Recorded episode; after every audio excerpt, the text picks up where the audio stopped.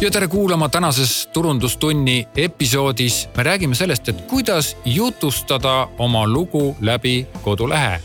mis loost üldse jutt käib, millist lugu, mis asi see lugu üldse on ja miks on seda lugu vaja rääkida, aga kõigest kohe lähemalt. püsige lainel, kuulame intro lõpuni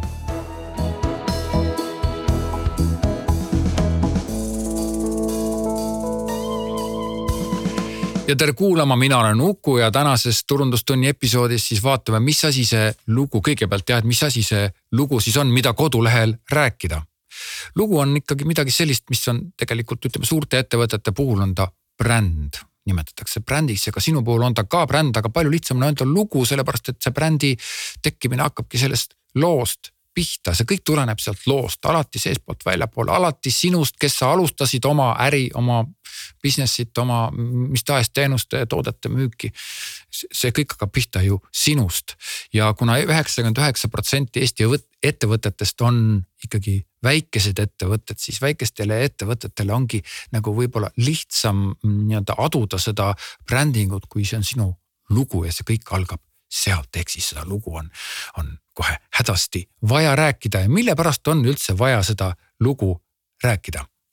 esiteks sellepärast, et see on sinu unikaalne argument, sinu lugu on ju unikaalne, ei ole olemas maailmas kahte täpselt identset ettevõtet, kes täpselt identselt töötavad ja identsete eh, nagu tingimustega, aga sa ometigi pead ju oma konkurentidest eristuma. ja sina ise oledki see, kes kõige rohkem eristub, kust tulevad need kõige suuremad ja tugevamad ja jõulisemad eristuvad argumendid. Sellest, sest et sa pead ju oma konkurentsitingimustes oma eristuvaid argumente ikkagi välja tooma ja, ja need eristuvad argumendid tulenevadki kõik sellest sinu enda loost, sinust enesest, kuidas sa alustasid, kuidas sealt edasi arenes, kas alguses oli raske või võib-olla toimus alguses võimas tõus, siis järgnes mõõn, siis järgnes uus tõus. võib-olla oli kuidagi mingisugused teised meetodid, elu viis kokku kellegiga ja hakkasite koos tegema midagi. või üldse tuli nagu mõte ja sa otsisid investorid ja sa leidsid investorid ja kuidas sealt edasi arenes, ehk siis iga ettevõte on tegelikult lugu ja, ja see lugu on unikaalne ja seda lugu on vaja rääkida, sellepärast et sealt loost tulevad välja väga olulised argumendid, mis on unikaalsed, mida ei saa ükski konkurent kopeerida. teine põhjus, mille pärast oma lugu rääkida, on see, et sa läbi selle loo rääkimisega selgitad, kuna sinu tooted ilmselt ja teenused on ju, ju otsapidi nagu seotud sinu enda looga jah, miks sa, miks sa, miks just sina neid teenuseid pakud, miks just sina neid tooteid müüd?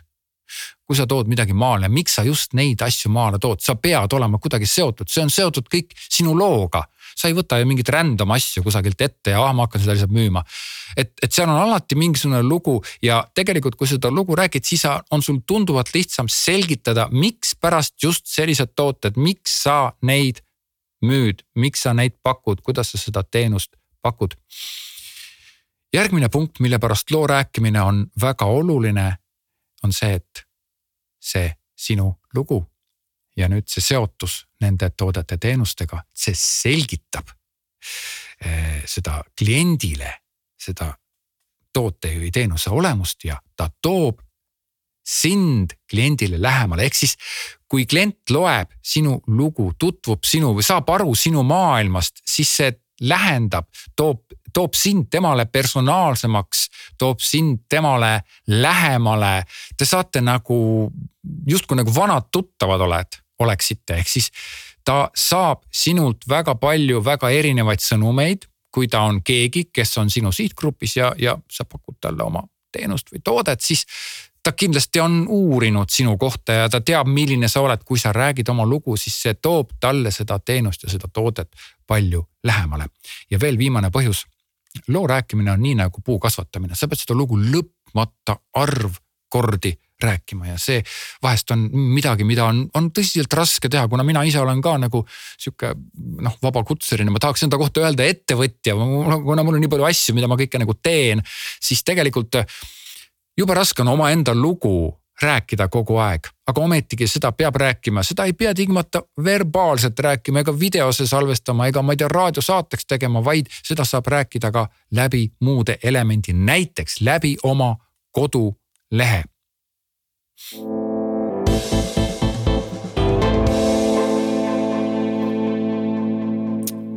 Üks, üks asi veel, mida ma tahan rõhutada, et loo rääkimine ei, jumala eest ei sega toodete ega teenuste müüki ega ka sinu enda müüki, see on midagi, mille sees need tooted ja need teenused on, mille, see on nagu mingi keskkond või nagu mingi sihukene väärtuste hulk, mille sees need tooted ja teenused paistavad just täpselt õiges valguses välja ja see ei ole jumala eest mingisugune sihuke väljamõeldud loo rääkimine, see ei ole ka nagu midagi, mis oleks seotud mingisuguse sihukese nagu öeldakse uhuu asjaga. mingi sihukese väga häguse nagu mingi esoteerilise teemaga, ei, ei, ei, ei, see on väga konkreetselt ja selgelt sinu lugu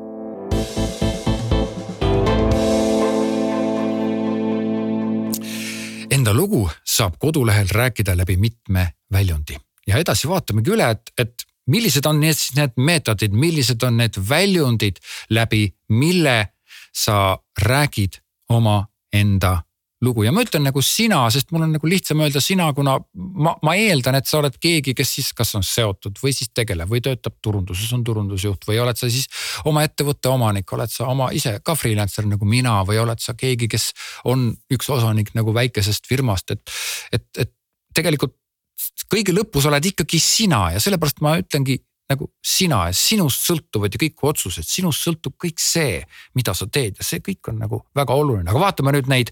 neid nii-öelda väljundeid, et kod, koduleht on ju tegelikult ikkagi ju, ju info edastamise meetod, et mis, mis lugu sa seal siis räägid, aga ei ole midagi, kodulehel on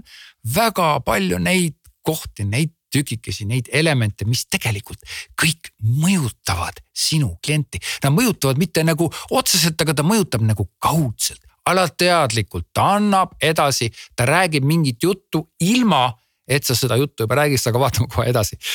punkt number üks, layout ehk väljapanek. väga tähtis, see ei ole kujundus, jah, see ei ole kujundus, see on layout ehk siis kuidas on asjad paigutatud, kuidas sa oma, oma need erinevad tükid välja paned. ja, ja igal puhul on niimoodi, et sa ju ometigi oma toodetest, teenustest tahad midagi välja tuua, sa tahad midagi rõhutada, sa tahad midagi esile tõsta. Layout ongi täpselt selle jaoks, sa pead esile tõstma neid asju, mis sinule on tähtsamad ja see on ka tükikene sinu loost, ehk siis layout aitab rõhutada olulisi asju ja teisipidi jälle. Layout ei tohiks olla mitte mingi liialt nagu mingi template või midagi sihukest nagu, mis kusagil on olemas või kuidagi, kuidagi midagi, kuidas tehakse. aga sa pead seda tem-, layout'i kasutama justkui tükikest sinu loost vahendina sinu loo rääkimiseks ja, ja see on hästi oluline, see teadmine tuleb endast läbi lasta, sellest tuleb aru saada, mis on oluline, mida peab esile tõstma, võib-olla mingid tükid ära korjata, layout'is rõhutada neid asju, mis on olulised. iga alamleht, mida sa teed, igal pool on mingid tükid, mis alati silma torkavad, kunagi kusagil ei ole midagi, et ta nagu lihtsalt on midagi, mingi, ma ei tea, tekst või mingi kontakt või, või mingisugune tootepilt või muidu pilt või, või lihtsalt mingi kaunisus, et, et ta kusagil lihtsalt midagi on layout on selline asi, mis pöörab tähelepanu olulisel, olulistele asjadele, mis jutustavad sinu lugu just täpselt sellel ekraanitäiel, kus klient parasjagu viibib. ehk siis asjad olgu fookuses ja, ja layout peab olema seotud alati fookusega. järgmine punkt number kaks, läbi tekstide. no vot, nüüd on siis jälle selline lugu, et väga paljud ei taha tekste kirjutada pikalt ja väga paljud arvavad ka seda, et oh, kes neid tekste ikka loeb, see ei huvita kedagi. ja see on absoluutselt õige mm,. väga paljud inimesed ei loe väga paljusid tekste, aga tekst ei ole midagi sellist, mida sa peaksid nagu kogu aeg tegema või kogu aeg kirjutama või kogu aeg meeles pidama, siis tegelikult tekstid ikkagi nagu peavad olema piisavalt väärikalt tehtud, sa pead omaenda kodulehe tekstidele tähelepanu pöörama ja sealhulgas mitte ainult tähelepanu pöörama, vaid, vaid sa pead neid ka nagu tegema sedasi, et nad jutustaksid sinu lugu et nad aitaksid seda lugu jutustada, kuidas ta jutustab tekstine lugu, ei, siin ei ole mõeldud mingist muinasjutu kirjutamist ega, ega sa, et sa paned nüüd kirja, kuidas täpselt kõik oli. Ja seda võib ka teha, aga oluline on see, et see teksti tonaalsus, et need väljendid, mida sa kasutad. see teksti kirjutamise laad, kuidas sa kasvõi ühte lühikest lauset kirjutad, see kõik peab toetama seda milline sina oled ja millist lugu sa räägid, kui sa räägid mingit, ma ei tea, metsavendade ja sihuke toortoodete mahe, ütleme metsas äh, rasketes oludes hakkama saamise toodet müüd või teenust, eks ole, korraldad mingeid ekstreemmatkasid, no siis sa ju ei peaks rääkima mingis üleliia teaduslikus keeles. või kui sa jällegi räägid teaduslikus keeles, siis sa oledki see teadlane, kes on ekspeditsioonidel harjunud nagu rasketes oludes hakkama saama, ehk siis sa pead selle teksti tonaalsusega arvestama ja see teksti tonaalsus ei peaks tulema lihtsalt, et ah, ütleme mingi asja ära, vaid see teksti iga sõna tonaalsus, lausete paigutus, lausete nii-öelda pikkus, meetod, kuidas sa seda teksti räägid, seda nimetatakse brändingus, nimetatakse tone of voice inglise keeles. Eesti keeles on ta brändi hääl, aga brändi hääl võib-olla ei olegi nii hea, tone of voice on nagu hääletoon, aga hääletoon on eesti keeles võib-olla natuke teine. et noh, et aga, aga, aga, aga mis, mis häälega või kuidas sa nagu räägid, sellepärast et mõnedel aladel ongi nii, et see tone of voice noh, ta peabki olema sihukene karmim ja. ja teistes kohtades on jälle näiteks lastega seotud tooted, ta peab olema sihuke sõbralik ja, ja näiteks loodussõbralikud lastele mõeldud tooted peavad olema jälle sihuke teadlikult sõbralik ja, ja mõnes kohas peab olema jälle isamaaline no isamaaline on ka, gradatsioon on ühest sajani, eks ole, pakun. sadat moodi võib olla isamaaline. kas sa oled kuidagi nagu vanaaegselt isamaaline või oled sa midagi moodselt isamaaline või oled sa kuidagi jõu, oma mehe, sõbralikud isamaaline, ehk siis tekstidesse annab seda kõike sisse kirjutada, aga sa pead seda tegema teadlikult et kui sa teadlikult oled see metsavend, siis sa teadlikult pead kasutama neid sõnu täpselt niimoodi. mitte nii, et võtke palun meiega kontakti, kui te olete huvitatud, vaid noh, siis kui sa see metsavend oled, siis ongi, et näe, kriba siia. jäta mingi märk maha endast, ma leian selle üles ja võta sinuga ühendust, et noh, et, et sa, et, et sa siis oled nagu selles tekstis ka nagu täiesti see, kes sa oled no üks küsimus on jah see alati, et kas need tekstid siis peavad olema pikad minu arust ikkagi kodulehel peaks olema ka sihukest pikemat teksti ja pikemat selgitust, mitte et seda kõik loeksid, aga siis, kui keegi tahab lugeda, et ta siis leiab selle üles, ma ei taha siin selles, sellel pikemalt peatuda. kui sa tahad ennast tuua välja, üldse moodsad layout'id ongi sellised, mis, mis näevad ette pisikesi, lühikesi tekstiblokke ja tekste tuleb alati kirjutada niimoodi, et neid oleks lihtne lugeda. aga jällegi see sõltub jälle nüüd sellest sinu loost, eks ole. sest kui sa näiteks müüd, ma ei tea, kirja, kirjanikele mingist publitseerimise vahendeid, eks ole, või, või publitseerimistarkvara, eks ole, no siis sa võib-olla peadki pikemalt rääkima ja sa noh et, et see sinu lugu nagu tuleks välja, et miks just sina pakud täpselt seda teenust kirjanikele. hull mõte, eks ole, pakkuda kirjanikele sellist publitseerimisteenust, nii järgmine punkt on läbi kujunduse, nüüd alles jõuame kujunduse juurde. mis asi üldse on siis kujundus ja mis on layout? Layout on puhas paigutus, kuhu ja midagi sa paigutad. sellepärast, et ühe sama kujundusega võib olla täiesti erinev layout ja ühe sama layout'iga võib olla täiesti erinev kujundus ja ma olen ühele samale template'ile kujundanud näiteks veebi militaartehnikale üle maailma müügiks kui ka Eestis paiknevale kangapoele, jah, üks sama template. aga kujundus on täiesti erinev, kujundus räägib täiesti teist lugu. aga see paigutus ehk siis see layout täpselt sobis ja kummalisel kombel sobis mõlemale. nii et äh, nüüd räägime kujundusest, värvid, kirjatüübid, äh, kujunduspõhimõte ähm, siin on ka igasugused nii-öelda lisaelemendid, graafika kui sa kasutad mingisugust väikset, võib-olla sulle meeldib kritseldada mm, sinna pastakaga märkmiku servale mingeid naljakaid lõustusi ja see on kuidagi seotud sinu looga, siis sa kindlasti peaksid nad laskma sisse skännida ja kasutama neid väikseid lõustakesi oma, oma kodulehel. ja tegema nad nii, et disainer peab selle te tegema nii, et ta võib-olla ei mõjuks liiga sihuke sota-pota, aga et ta oleks sihuke huvitav ja noh, vastavalt sellele sinu loole siis jah, sinu iseloomule. et ta oleks sinna huvitavalt tehtud, aga äh, äh, lähme nüüd siis nagu värvide juurde. ma ei saa mitte kunagi öelda, et milline värv siis on õige, aga värvidel on teatud siuksed väga üldised põhimõtted ja sealt läheb kohutavalt sihukeseks peeneks ja, ja, ja, ja selliseks täpselt timmitavaks läheb edasi, aga, aga üleüldiselt on nagu niimoodi, et kui sul on sellised kirkad toonid siis need kirkad toonid hästi kontrastsid, hästi palju erinevaid värve või siis on hästi kontrastsed värvid, et noh, nad, nad üldiselt ikkagi kipuvad nagu väljendama sellist rohkem jõulisust, rohkem vitaalsust, elulisust, hästi sihukest nagu liikuvat nagu dünaamilist sellist hoiakut, olekut, ta sobib sihukese dünaamilisele loole, sihukesed vaiksemad värvid, kus on nagu mm, ei ole seda kontrastsust nii palju ja toonid on kuidagi nagu sihukesed tagasihoidlikumad, võib-olla pastelsemad. võib-olla isegi sihukesed nagu mm, hajutatumad, siis, siis need võib-olla rõhutavad rohkem sellist äh, korrektsust ja toovad seda, seda, seda sisu esile nagu teistmoodi. Need on väga üldised reeglid, et ma ei saa siin nagu midagi ütelda, aga jällegi kõik, kui sa ka valid enda nagu kujunduse laadi, siis sa peadki hakkama oma loos sellest lähtuma, et aga milline see sinu see lugu nüüd on, kas seal on palju kirevat, ägedat liikumist, dünaamilisust, et siis võib-olla võtad nagu tugevamad, jõulisemad värvid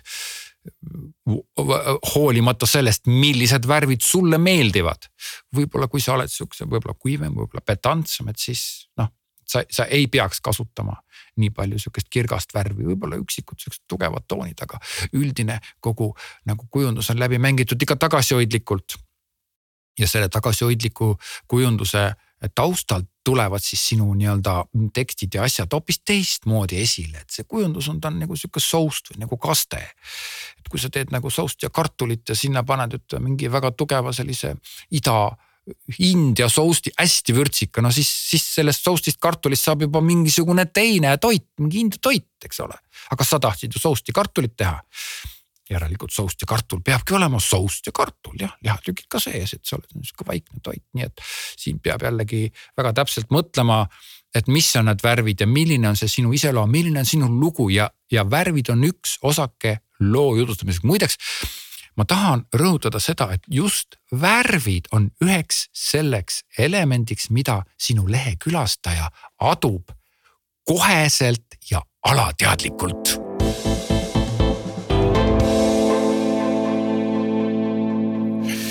ma tahtsin just selle just nagu esile tõsta, sellepärast ma tõin selle sellise vahekülli siia vahele. fond ja kirjatüüp, mis, mis värk, mis vahe seal on, peab olema lihtsalt ilus ja peab nagu sobima, natuke midagi eristab ja ta-ta-ta-ta-ta.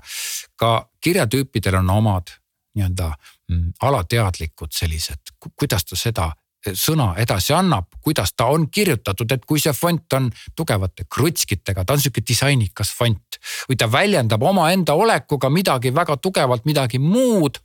siis, siis noh, piltlikult öeldes loomulikult sa pead need kõrged nahksaapad välja kandma. kui sa oled tagasihoidlik potilillekene ja, ja kodus kasvanud ja lähed esimest korda peole, tõmbad jalga kõrged nahksaapad, siis noh, võib-olla sa ei oska nendega kõndida või kõik vaatavad küll, aga noh sa ei, sa ei ole päris see, kes neid nahksaapaid peaks kandma. Ja sama käib ka siis see, et kui sinu lugu on võib-olla tagasihoidlikum ja rahulikum, aga sa tahad, et see fond oleks, kuna sulle isiklikult meeldib, et see fond oleks midagi sihukest nagu krutskiga ja, ja, ja mingite viguritega, et noh, siis, siis see võib-olla ei sobi hästi kokku ka see font, eriti pealkirja font ja sisufont, sisutekstide font ja vahepealkirjade font, kirjatüübid, nad peavad kõik olema nagu omavahel harmoonias. ja nad peavad ikkagi väljendama seda, seda sinu olekut ja kui sa ei tea, milline kirjatüüp millist olekut väljendab, siis kindlasti konsulteeri mõne disaineriga, need, kes tegelevad fontidega igapäevaselt. Ne,, nemad on selles kõiges kodus, nad oskavad seda rääkida, nad oskavad seda paika panna, nad, nad teavad, nad oskavad nii-öelda, nemad loevad seda nagu rahulikult nagu raamatut, eks ole, ega, aga tavaline inimene ei tule selle peale, et noh, kes ei, mitte tavaline inimene, vaid kes ei tegele disaini ja fontidega, ei tule selle peale, et, et, et üks kirjatüüp võib niivõrd palju nagu väljendada ja ühe kirjatüübi asemel teise kirjatüübi valides võib jääda hoopis teistsugune mulje. milline see mulje olema peab, loomulikult ta lähtub sinu enda loost. kindlasti ma pean siin ütlema, et kujunduse puhul ikkagi soovitan vähemalt rääkida profiga, kes tegeleb igapäevaselt selle kujundusega, kui sa ise tegeled, jumala hea, absoluutselt hea või kui sa oled selline nii-öelda tellid omale kodulehte ja ütled, et ma tahan saada sellist kujundust, siis. siis noh, sa ütleme, sa pead endale eelnevalt selle asja selgeks tegema, sa pead õppima kujunduspõhimõtted, sa pead õppima niimoodi põgusalt neid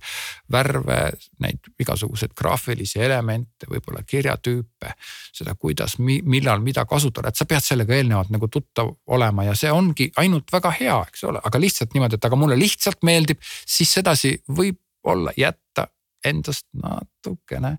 vale mulje, et vahel ikka inimesed jah, kes on mul ka tellijad olnud, et noh, et kipuvad nagu natukene nagu arvama, et see, kuidas neile meeldib, see meeldib ka kõigile tema mm, tuhande viiesaja kolmekümne neljale kliendile, aga tegelikult see ei ole nii, kui me võtame suvaliselt kolm inimest ja paneme nad kokku, nad võivad sinu kliendid olla. siis neil kõigil kolmel on juba erinev maitse, erinev arusaam. ja need, kes on professionaalid ja disainerid ja teevad layout'e ja tegelevad disainiga igapäevaselt, siis nemad tegelikult oskavad ikkagi paremini paika panna ja ütelda seda, kuidas tehakse, mismoodi lahendatakse, millised on need võtted, kuidas saada aru, mis on see õige ja, ja tegelikult tegelikult disaineri ülesanne ongi aru saada, milline on sinu loo jutustamiseks see kõige õigem eh, kujundamise stiil.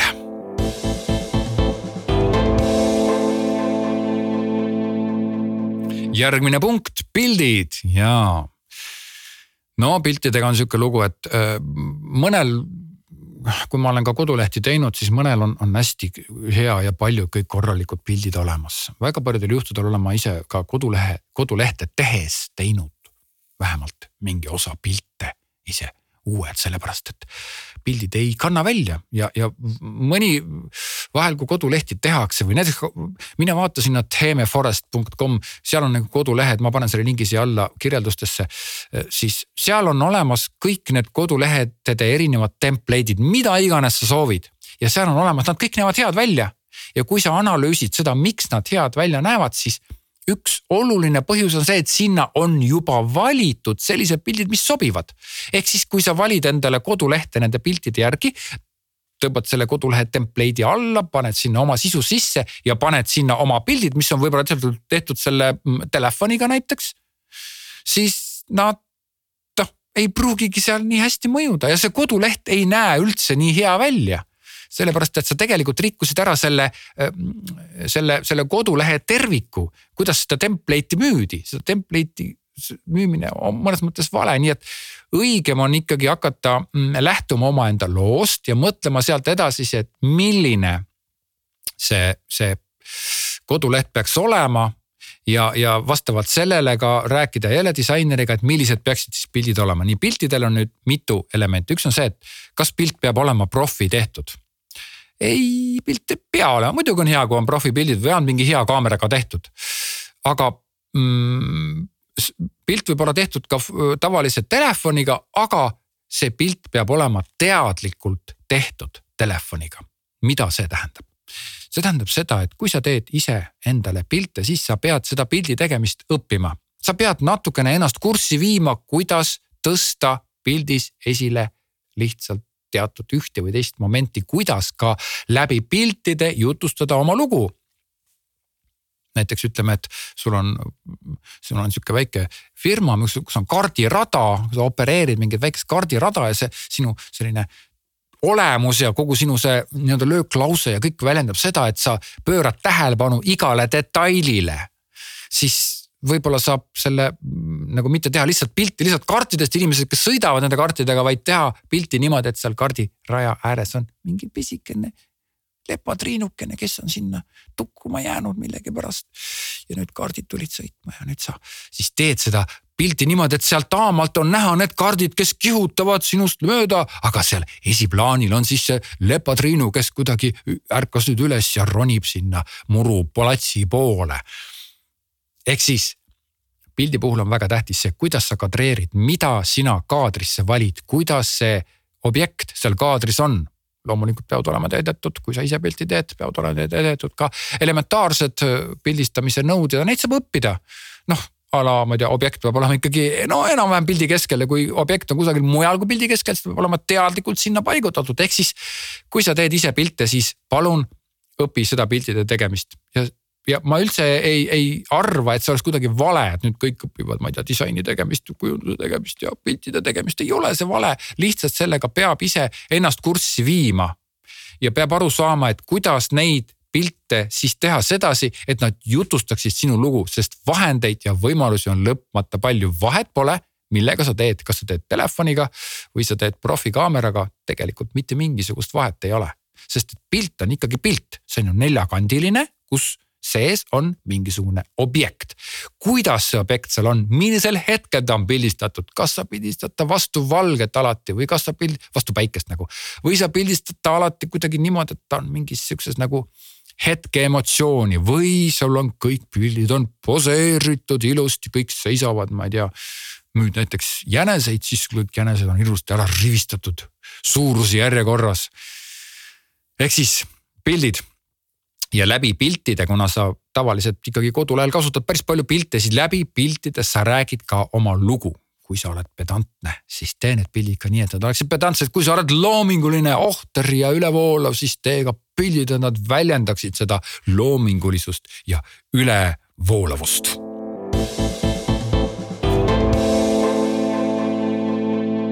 viimane punkt, mida ma siin selles episoodis käsitlen, on siis navigatsioon ja just, kuulsid õigesti. navigatsioon ei ole lihtsalt see, et sa võimalikult kiiresti, et sinu klient, kes tuleb kodulehele, et ta jõuaks võimalikult kiiresti selle punktini, mida ta tahab siis nagu kogeda või mida ta tahab osta või mida ta tahab lugeda selle sisutükini. on see siis toode või on see siis teenus, mida ta peaks tellima, vahet pole. igal juhul see ei ole päris nii lihtne, kohe räägin lähemalt. näiteks noh, hakkame pihta nendest ettevõtetest, kus on väike ettevõte, aga tal on väga palju teenuseid või väga palju tooteid, mida ta müüb ja kohutavalt palju. nüüd need tooted on ilmselt mingites kategooriates ja, ja nüüd see sinu lugu, sa alati tood midagi esile. mõned tahavad teha sellist asja, et kohe, kui on argument, et toodete paljusus, et kohe esilehele panna kõik tooted välja, hästi palju tooteid. või siis tootekategooriad kohe hästi palju, et korraga sul on sihuke ruudustik nagu ruuduline paber on ja kõik muudkui vaatavad ja lähevad ja, või siis kõik tootekategooriad hästi palju. ja siis on veel peale kirjutatud, aga meil on kõige rohkem tooteid seal tuhat ja kaks tuhat ja kolm tuhat toodet, siis see tegelikult ei ütle mitte midagi palju kasulikum on paljude toodetega lasta inimesel minna läbi teekonna mida sa tahad teha, mida sa tahad leida. paned kategooriad ette ja räägid, et meil on kõik selles vallas olemas ja see ongi see, mida sa ütled alguses. ja edasi ta läheb järgmise kategooria peale ja seal on, näeb neli alamkategooriat. tema läheb kindlasti ühte kategooriasse, aga kuna tal on ekraani peal ainult neli info välja, neli kategooriat, neli tükki, siis ta silm haarab seda nelja palju paremini. ja muidugi ta ei pääse kohe oma tooteni või teenuseni, aga ta näeb need nelja kategooriat ja miks see oluline on, sellepärast et sa räägid oma lugu, aga meil on ka teised kategooriad. ma olen see, kes teeb neid asju niimoodi ja ma tegelen kõikide nende asjadega, sest et sa oled ju tervik. neli kategooriat, sealt ta läheb edasi ja võib-olla nüüd ta siis jõuab sinna ühe oma selle tooteni ja nüüd on siis, kui ta seal toote peal on ja kerib selle toote lehele allapoole, siis seal on, kas siis on vaata sellest kategooriast veel tooteid või siis on seal, et aga, aga need, kes seda toodet vaatasid, vaatasid ka neid teisi tooteid, mis tulevad mingitest teistest kategooriatest. ehk siis võimalusi on väga palju, see on ainult üks näide. kindlasti on, on navigatsioon väga oluline ja väga strateegiline, lihtsalt sa pead mõtlema, et mis on see sinu lugu mis on see sinu lugu, mida sa tahad rääkida ja kuidas läbi navigatsiooni seda lugu rääkida. väga vale on see, et mitte pöörata tähelepanu navigatsiooni käigule, vaid pöörata tähelepanu ainult sellele, et no mida nad võiksid siis tahta või kuidas nad sinna jõuavad, miks nad ei osta seda. navigatsioon on lugu. ja kui on näiteks ka mingisugune selline nagu, kus on vähem materjali sees aga näiteks rohkem teksti, siis tasub alati teksti sisse panna, näed. ma räägin teile nüüd ühest oma kliendist ühe loo, no piltlikult, eks ole, sa räägid üks väikse loo, kolm-neli lauset on ju. ta tellis selle, siis tal oli niimoodi, niimoodi. muideks ta vaatas ka seda toodet, seal on link sinna sellele tootele, siis ta vaatas ka seda toodet, seal on ka link sellele teisele tootele. et siis, kui sa oma jällegi kliendi lugu näiteks või case study huvitavalt räägid, siis seal on mõttekas jälle kasutada seda navigatsiooni teistmoodi, aga navigatsioon ehk siis kuidas sinu klient sinu kodulehel liigub, see on ääretult, ääretult oluline ja see pole sugugi mitte vähetähtis.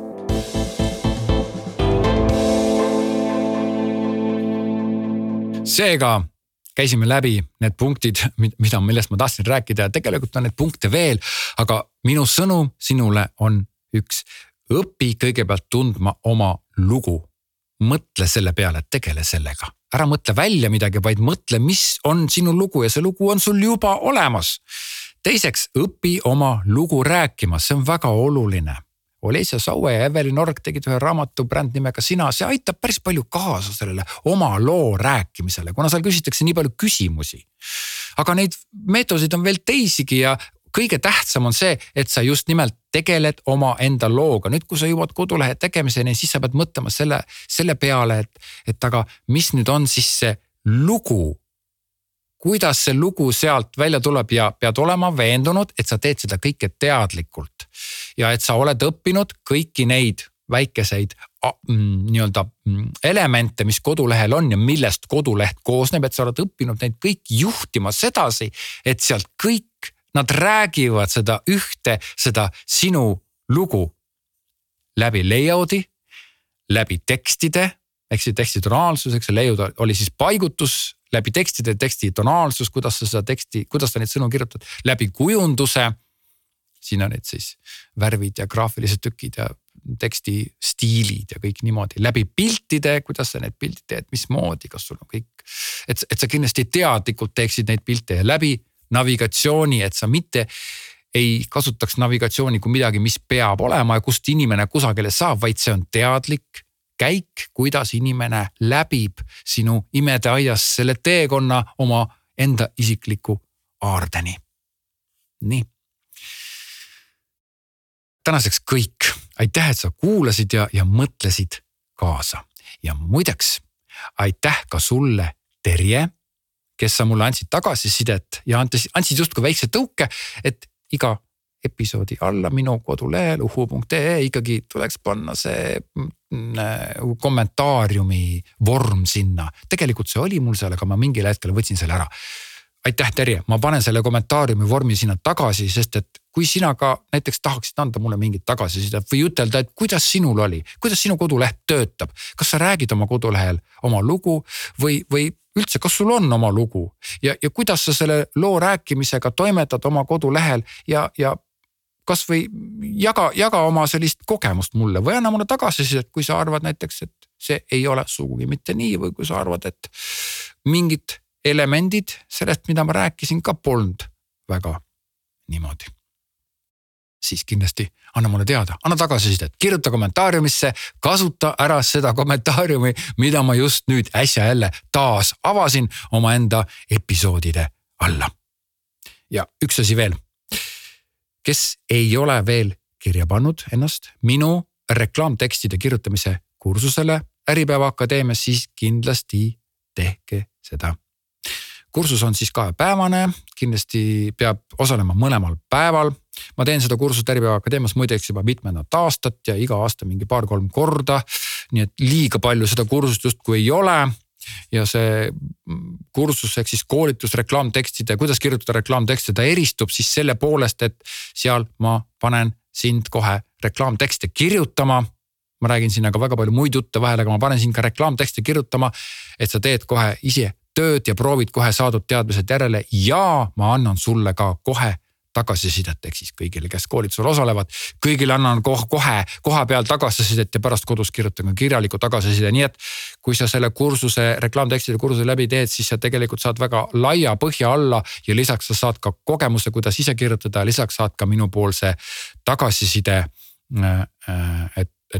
kuidas siis veelgi paremini ja kuidas siis veelgi tõhusamalt ja kuidas siis mida vältida ja mida teha ja kuhu suunda nagu oma reklaamtekstide ja oma oskustega reklaami vallast, reklaami vallas olevate oskustega siis liikuda.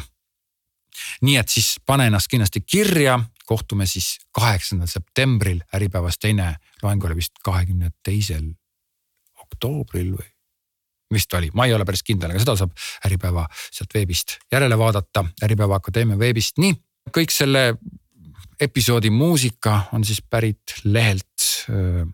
helipank.ee.